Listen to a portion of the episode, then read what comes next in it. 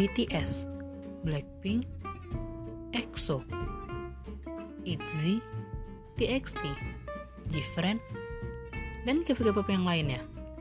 Buat teman-teman, para K-popers ataupun teman-teman yang baru mau kenal K-pop, yuk kita kumpul bareng-bareng di podcast Gibah K-pop biar kita bisa bareng-bareng ngomongin apa aja yang sedang terjadi di ranah K-pop ini.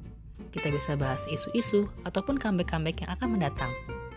So, jangan lupa stay tune dan pantangin terus ya podcast Gibah K-pop. Bye.